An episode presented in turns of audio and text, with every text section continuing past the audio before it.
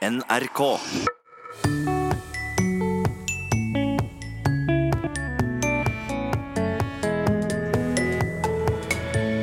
Kanskje har du hørt det her før? Folk som ikke snakker norsk, de, de sier at de oppfatter norsk som veldig melodisk og fint.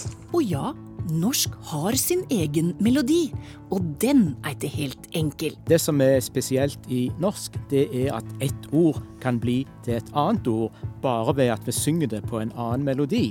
Dialekt er heller ikke alltid så enkelt. Men saua forstår det godt når vi bruker dialekt i lokken. Sebba, sebba, sebba. Dakka, dakka, dakka. Kurri, kurri, kurri. Vel møtt til Språkteigen. Høre uvante eller ukjente dialekter kan være litt krevende for mange. Men er det slik for sauer òg? Dette litt uhøytidelige spørsmålet dukka opp på Facebook-sida til Språkteigen i høst. Åshild Tillung satt sammen med mannen sin og så på Oppfinneren på TV, som var ute og lokka på saua sine. Liba, liba, liba, liba. Liba, liba, liba. Kom, ja, kom. Mannen hennes fra Voss stemte i med pirre, pirre, pirre. Og Åshild sjøl, som er fra Hallingdal, kvitterte med tiksa, tiksa, tiksa. Fascinerende syntes Åshild, og spurte etter flere sauelokkeord. Og hun fikk svar. Sebba, sebba, sebba. Dakka, dakka, dakka. Sisa, sisa, sisa. Sikka, sikka, sikka. Pilla, pilla, pilla. Kurri, kurri, kurri. Tikka, tikka, pullan. Bolla, bolla, bolla. Birra, birra, birra. Dette var noen av de rundt 30 varianta som dukka opp, og Åshild konkluderte med at dette kunne bli krevende for sauer som ble solgt til andre deler av landet. Tor Erik Gjenstad, språkviter og med særlig god kjennskap til dialekt. Er det dialekt som gjør seg gjeldende i lokkinga? Ja, jeg vil nok tro det. Eh, At det er variasjon der eh, så vel som i andre ordforråd. For det er jo, det er jo reelle ord det her, eh, selv om det fungerer som, som lokkerop. Så den variasjonen ligger nok der. Men det er vel forholdsvis lite kartlagt. Ja. Så det, det er noe fint at det begynner nå da med denne responsen Ja. i strakteigen. ja, for hvorfor har det blitt så forskjellige lokkeord, da? Nei, det er vel eh, tradisjon, det som utvikler seg på forskjellige plasser. Eh, Akkurat som at du får eh, forskjellige ord for andre ting òg. Og jeg tror nok det at uh, sauene, om de flytter plass, så vil de nok skjønne det av, av tonefallet Ja. og sammenhengen. At de Det- skal komme. Men er du overraska over den store variasjonen? Nei, egentlig ikke. Eh, For det her eh, er jo et område der du ikke har noen standard. Eh, Du kan ikke slå opp eh, hos Språkrådet og finne ut hva som er standardnemninga for å lokke på sau. Nei. Så det blomstrer litt fritt, det her. Mm. Hvordan skal vi da se for oss at dette her har oppstått, da? Det er nok på forskjellige måter. Eh, Du ser at det av og til er en sammenheng mellom lokkeordet, kjæleordet og mer så nøytral nemning for sau. Eh, Sauhallet det har jo sin terminologi. Eh, Sauer av forskjellig kjønn og alder. Eh, Og det er jo av og til en, en sammenheng. Eh, Med oss der jeg kommer fra på indre Nordmøre, der var det porre som var lokkeropet. Og samtidig så kunne jeg nå omtale sauene som porrene. Eh, Nå kommer de porrene, og én porre. Så hva som er først her, det er vel ikke så godt å si. Eh, Og likevel med det her tikka og tiksa. Det der er jo også navn på søya på Hoshaugen. Ei tikke og ei tikse eller ei tiks. Eh, Og det går nok igjen tilbake på et gammelt ord, tik, som finnes allerede i norrønt, og som er bruka om hodyr, men helst av hund. Og, og rov, som vi sier, eller rev, da. Ja. Eh, Ei, ei revtik. Og så er det gått over til å bli eh, Gå over på søya, da. Og så kan det gå over på folk, det der, vet du. Jaha. Eh, porre. Det er vel særlig Nordmøre og Romsdalen, tror jeg, som har porra. Og, og så har du da for eksempel en krullaporre. Det er jo en, på Romsdalskysten det, det er et ord for en person eh, som har mye krulla hår. Det er ei som blir sitert utenfor der og omtalt av Dan Børge Akerø som na krullaporring. Som jeg sa, da, så kom det mange lokale variasjoner på Facebook. Og vi har ikke tid til å prate om alle i dag, men vi kan jo ta noen variasjoner. Du nevnte jo det her med, med libba, da. Libba libbe, det, det er sørlig, ser det ut for. De har det jo i norsk ordbok, og det er noe eh, Altså, det er Jæren og Dalane eh, som er tyngdepunktet, ser det ut for, og så går det litt inn i, inn i Vest-Agder. Kanskje noen få plasser til. Og jeg et tikke, det går ganske vidt. Østlandet mange eh, plasser, der, men også litt utover det. Og så har du jo den kombinasjonen tikka-pulla. da. Eh, Den vil du kunne ha eh, f.eks. Nordøsterdalen. da. Da går vi inn i Trøndelagsregionen. Det går over i Trøndelag, ja. Pullene og Pollan. Eh, Du kommer over til Oppdal, f.eks., og Orkdalen, Meddalen og Gauldalen. Da kan jo nevne at eh, Orkladalføret så er det jo gått over på folk òg. En pulle. Eh, det blir jo sagt om en dum person. En tosk. En som er dum som en sau. Ja. I Sunnfjord, Ytre Sunnfjord så snakker de om sippa, sippa, sippa. Ja, det, det, det er noe med S og av og til som, som går att, ser jeg. Så det må jo være slik at eh, den lydkombinasjonen må være slik at den høres godt. Og det er nok noe med det at du har eh, ja, I og O, da, det å kjøre tydelige, tydelige vokaler. Ja, for vi har både den sippa, sippa, sippa, og vi har sikka, sikka, sikka, og i? Gausdal var det sebbe, sebbe, sebbe. Ja, ja, ja. Og på. Karmøy så sa de sy, sy, sy. ja. Og så var det noe med tys, tysa, tysane. Det er vel Nordhordland. Så det er flere slike ganske lokale òg. Og så kommer vi over i Ørsta, hvor de har litt mer stemte r-er. Der sa de korri, korri, korri. Ja. Da begynner du å nærme deg de her porrene jo lenger eh, nord i Møre og Romsdal. da. Så det, det fungerer, vet du. Og du kan, eh, kan rulle voldsomt på de her r-ene. Ja, for da kom vi kommer til Nordland, så kom, ble det kirre, kirre, kirre. Ja, da har du igjen det her Du har både i-en, og så har du r-en, altså. Det der eh, har sikkert fungert helt strålende. Det ble jo nevnt her at veldig mange av disse her ordene opptrer i tregangen. Altså at du sier ordet tre ganger. Ja, det er kanskje noe som ligger litt djupt. Nå skal jeg komme ut på å spekulere, men tritallet er jo et slags magisk tall, da. Og så får du akkurat nok til at det, at det blir tydelig òg. Men det er vanlig å, å gjenta tre ganger, ja. Det, det er det absolutt. Og gjerne i falsett, var det noen som eh, skrev. Og det hørte jeg du gjorde når du skulle lokke i stad, Tor Erik. ja, nå har jeg ikke kalla så mye på sauer inni, men det har nå hørt det har vært gjort. ja, det, går nå gjerne opp i falsett. Ja, det, det er noe vanlig i lokk, og da bærer det godt, vet du. Men dette her er egentlig et ganske viktig språkmateriale som har kommet inn i den Facebook-gruppa nå, da. Ja, det er jo det, og, og som uh, sa, det er nok lite kartlagt uh, fra før, ja. Så kanskje Åshild burde skrive ned og begynne å samle? Ja, det syns jeg jeg skal gjøre. Ja, Åshild, du oppfordres til å samle inn flere sauelokkeord. Takk til deg, Tor Erik Gjenstad. For noen uker sia kom det et spørsmål på Språkteigens Facebook-side fra Mathias Arntzen.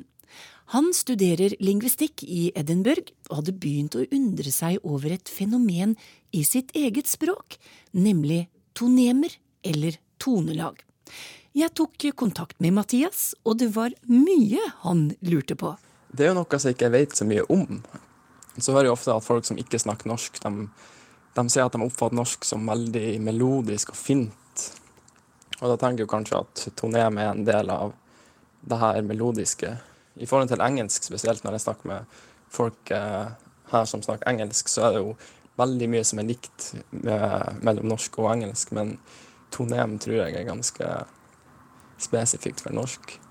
Jeg vet jo egentlig ikke så mye om det i det hele tatt, så jeg lurte jo egentlig på det med historie, hvordan det har oppstått, og eh, hvor unikt er det i indoeuropeiske språk, og hvor stor dialektvariasjon det er, og så er det jo det kognitive. Jeg syns egentlig det er ganske imponerende hvordan vi mennesker klarer å holde styr på rekkefølgen til språklyder, konstanter, vokaler, trykk, vokallengde osv. Og så i tillegg så har du tonehøyde som kan markere betydningsforskjeller.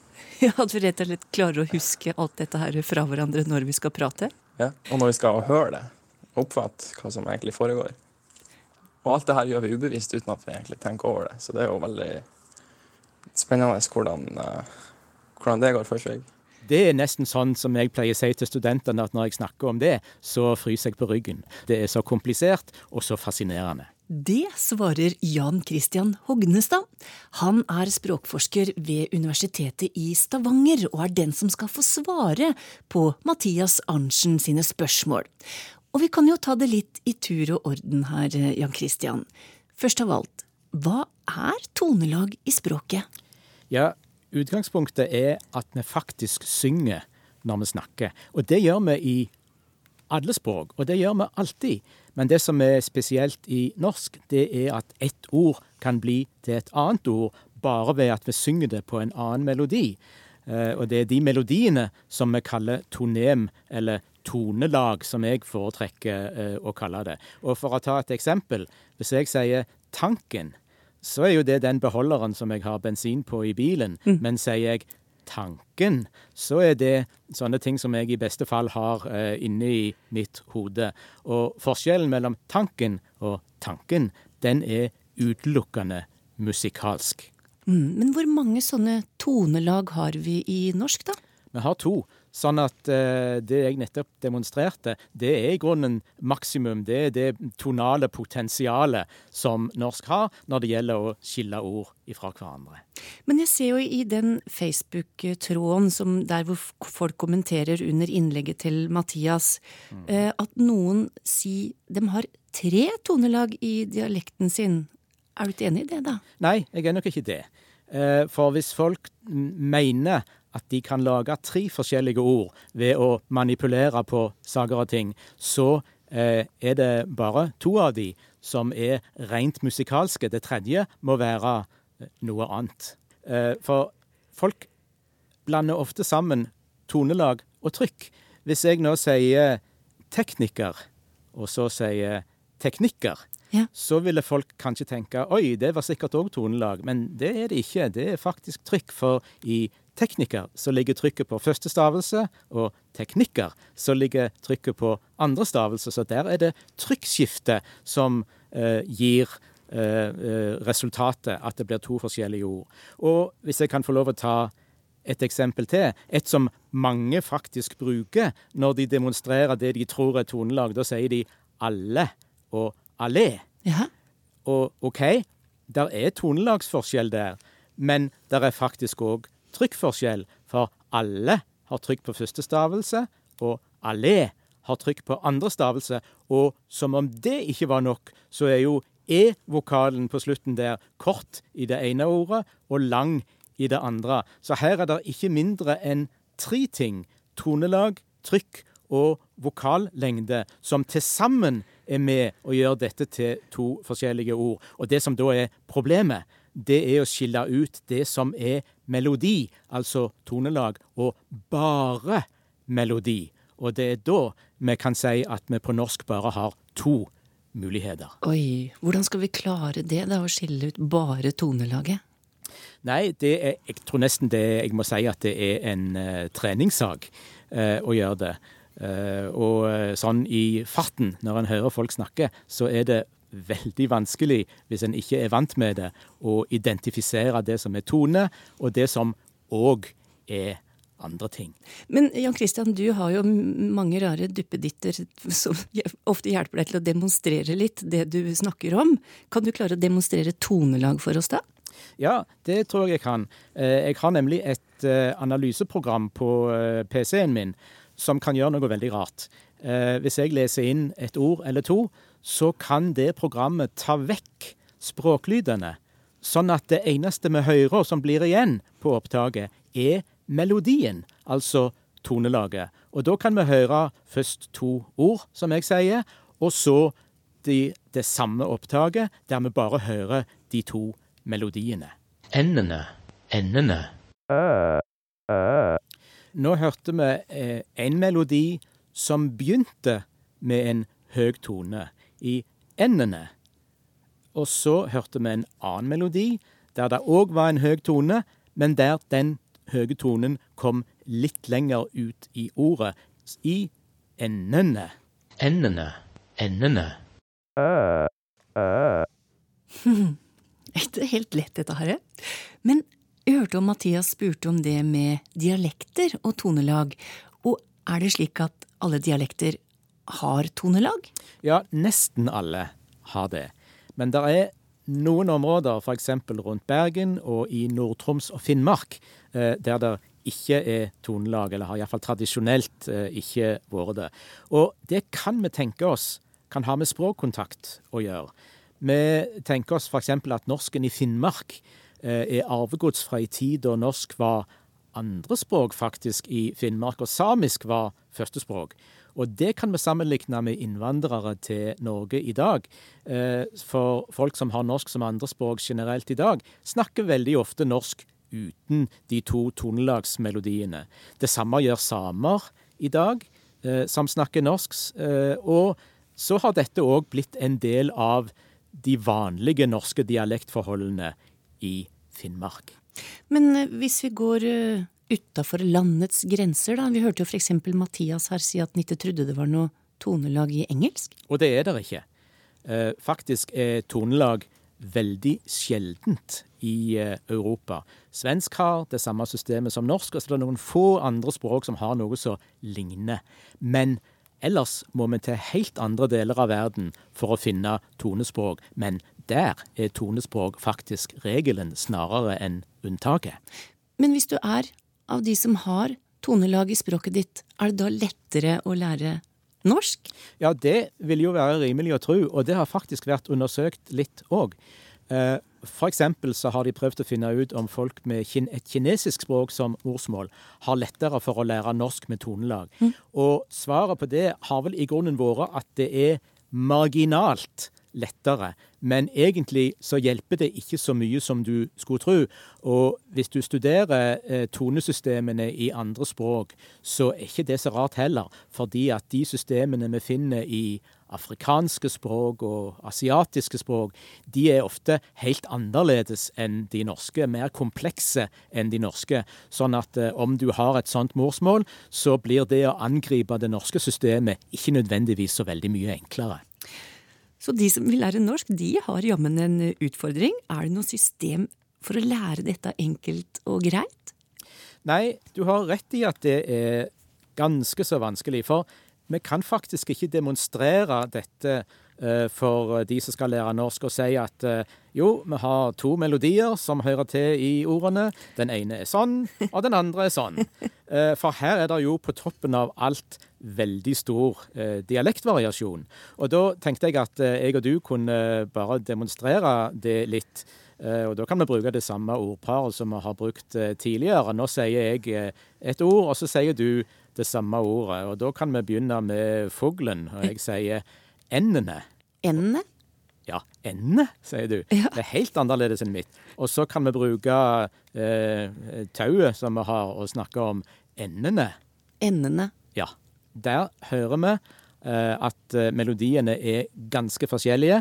Og hadde vi brukt lydanalyseprogrammet mitt, så hadde vi hørt enda tydeligere at dine melodier er andre enn mine. Så eh, der er stor dialektforskjell. Og som om ikke det var nok, så er det faktisk ord som har det ene tonelaget i noen dialekter, og det andre tonelaget i andre dialekter. Og vi kan jo prøve det òg, for å se om jeg og du skiller oss fra hverandre. Mm. Hvis jeg sier guttenavnet Håkon, hva sier du? Håkon. Ja, ikke sant? Da har jeg tonelag én, og du har tonelag to. Og så kan vi prøve oss med et uh, verb. Ja. Og jeg kan si misforstå. Misforstå. Ja. Akkurat samme forskjellen. Jeg hadde tonelag én, og du hadde tonelag to. Sånn at når dette ikke stemmer fra ord til ord, fra den ene dialekten til den andre, og de to melodiene på toppen av alt er forskjellige mm. fra den ene dialekten til den andre, ja, da har du rett i at dette er ikke lett å gripe hvis du skal lære dette språket. Men på Facebook, på det innlegget til Mathias, så refereres det stadig til ordpar med ulikt tonelag. Altså opptrer tonelaget alltid parvis? det er veldig fint at du spør om det, fordi det er en misforståelse som eh, veldig ofte forekommer. Og rett skal være rett. Jeg bidrar til den sjøl. For når vi skal pedagogisk demonstrere tonelagene, så bruker vi jo nettopp sånne ordpar. Det klassiske er jo bønder og bønner, ikke sant? Mm. Eh, og da kunne en tro det at dette er eh, et fenomen som eh, bare opptrer i par. Men det er det jo slett ikke. For hvis jeg sier ord um, kakene, for Ja, eksempel, ja. så har det tonelag to. Men det fins ikke noe ord i min dialekt som er kakene med tonelag 1. Så kakene er ikke en del av et sånt par. Men det er et kjempefint tonelagord allikevel. Det har tonelag 2, og derfor så er det faktisk sånn at eh, alle ord egentlig ligger oppi hodene våre i vårt mentale lager, så å si, eh, slik at det kommer ut med rett tonelag. Uansett om det er det ene av et ordpar, eller at det ikke er det. Men når vi prater, da, så stopper det heller ikke ved tonelag i ord. Nei, faktisk så gjør det ikke det. Uh, Iallfall ikke når vi driver og snakker i talekampens hete, så å si. Uh, når ordene ligger trygt og sikkert i uh, det mentale ordforrådet vårt, da ligger de der med uh, korrekt, sånn at de kommer ut med korrekt eh, tonelag. Men eh, i praktisk språkbruk så er det sånn at eh, tonelagene ofte brer seg litt, sånn at de ikke bare ligger i et enkelt ord, men i en hel frase. Sånn at hvis jeg sier for eksempel 'kakene ligger i skapet', Ja. så er den tonelag to-melodien i kakene, den brer seg over både kakene og ligger og i. Så sier jeg altså 'kakene ligger i'. Ja. Men det er likevel bare én en eneste tonelag to-melodi. Altså, jeg ville sagt 'kakene ligger i'. Ja. Skapet. Men sånn er det jo faktisk ingen som snakker. Så derfor bygger vi disse frasene når vi snakker, og det er de som får dette til å høres eh, autentisk og skikkelig uh, norsk ut. Språkforsker Jan Christian Hognestad svarte på Mathias Arntzen sine spørsmål om tonelag. Men et spørsmål mangler svar, nemlig det historiske. Hvordan kom tonelag inn i språket vårt? Og det kommer vi tilbake til i neste Språkteigen.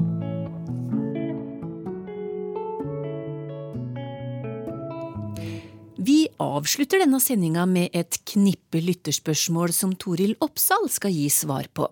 Det første, fra 21 år gamle Ida Lunde Nålsund, om et ord hun knapt hadde hørt før hun flytta fra Vestnes i Møre og Romsdal til Akershus for å studere. Det er ordet J, altså om bokstaven. Sjøl sier hun je. Hvorfor sier folk J? og hvor kommer det fra, spør hun. Ja, dette var, dette var litt artig å høre på, Torunn, fordi du, du skulle nå prøve å framstille denne bokstaven, og, og du er blant dem som sier J, vil jeg tro. Nei. Nei, du er akkurat i J-området. Ja. fordi her er det eh, geografiske forskjeller. Fordi J er tradisjonelt vanlig nær og i Oslo og rundt Oslofjorden, og litt nordover, eh, mens J er vanlig andre steder. Og det gjelder eh, tydeligvis fortsatt, siden Ida Lunde Nåsund er en ung dame eh, som reagerer på dette. Men, men denne J-uttalen har nok bredt noe om seg. Og her står man overfor en ja, relativt sett ny bokstav. Denne som jeg kaller J, eh, var eh, opprinnelig en variant av bokstaven I. Det var en lang I. Og så sto man der da og skulle finne et navn. Og da har man minst to valg.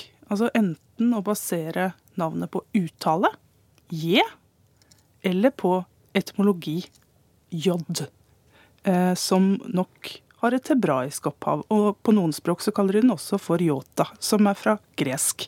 Så det er to måter å gi bokstaven navn på, som har vunnet fram i litt ulike både geografiske og stilistiske områder. Sånn at du kan nok si at innafor en mer moderat bokmålstradisjon, så vil du nok støte på en anbefalt uttale J, mens i andre tradisjoner vil du støte på en J. Men det, er, men det er mange steder man kan lese om dette, både i litteratur og andre steder, at, at det er et møte. Det er, en, eh, det, det, er ganske sterke hva skal jeg si, følelser som er i sving også, på, på hva som er den korrekte uttalen. Men her kan jeg med hånd på hjertet si at det er begge to. Åh, det var godt å høre. Ja, det er det av og til. Ja.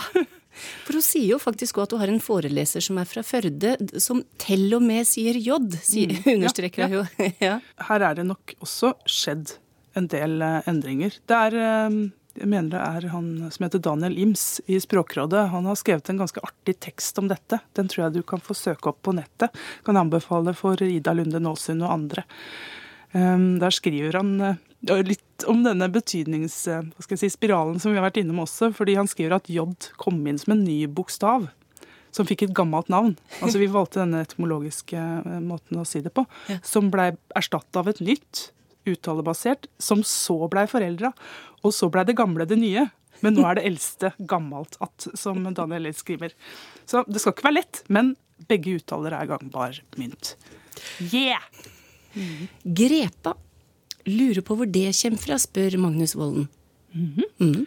Det tror jeg vi kan svare ganske kjapt på. Ja. Dette her eh, kommer av eh, et substantiv som vi hadde i norrøn tid, griper, som eh, i en, en av genitivsformene sine nettopp blir grepa. Eh, Griper betyr et klenodium, eller en verdifull ting. Så når du overfører det til eh, den formen vi kjenner det som, grepa, så er det liten tvil om at en eh, grepa kar, det er en ganske, ganske ålreit fyr, altså. Men dette her er er brukt i skrift, i hvert fall fra seint 1800-tall. Eh, Så finner vi denne grepa kar-betydningen. Uh, unnskyld, eh, grepa kar-uttrykket. Og, og jeg har også funnet en del grepa kvinnfolk Ja. fra, fra omtrent samme periode. For rundt ti år siden så hørte jeg noen si at de hadde en sliten stol, og jeg så for meg en utslitt stol med bokstavelig talt hengende hue. Men så gikk det til lang tid før jeg ikke lenger syntes det var et morsomt bilde, det ble noe folk flest sa. Og nå fins det ikke slitte sofaer eller stoler, det er utrydda. Nå er det bare slitne igjen, og er ordet slitt på vei ut, og hvordan i all verden kan et ord forsvinne i en så forrykende fart, spør Beate Henden. Ja, eh, Både sliten og slitt det er partisittformer av verbet å slite. Eh, Sliten, det var dette bildet av sofaen vi så for oss, da da er du ganske medtatt og, og trøtt. Mens slitt det betyr at noe er mm, ja, merka av bruk, det er utsatt for slitasje. Og vi finner jo også slitt i sammensetninger som lo-slitt. Og, så, så, så det er en, en liten nyanseforskjell her. Og eh, når vi bruker sliten om eh, stol og sofa, eh, så kan det nok være sånn at eh, dette ordet peker mer mot eh, elde og langvarig eksistens enn slitt, som peker mer tydelig på de hva skal jeg si, fysiske skavankene. Eh, og eh, jeg lurer på om dette er grunnen jeg, til at sofaer nå selges som slitne. Fordi en sliten sofa gir rett og slett litt mer positive assosiasjoner enn en slitt sofa. Eh, Og der har du nok forklaringen på at dette her er en bruk som har skutt fart. Eh, Og skal du selge en sofa, så må du gjøre den mest mulig attraktiv. Med det har vi prøvd å gi svar på en rekke lytterspørsmål i dag. Takk til deg, Toril Oppsal. Og har du spørsmål, så tar vi imot, enten via e-post teigen krøllalfa nrk.no, eller du kan skrive i Facebook-gruppa til Språkteigen. Vi høres. Ha det bra.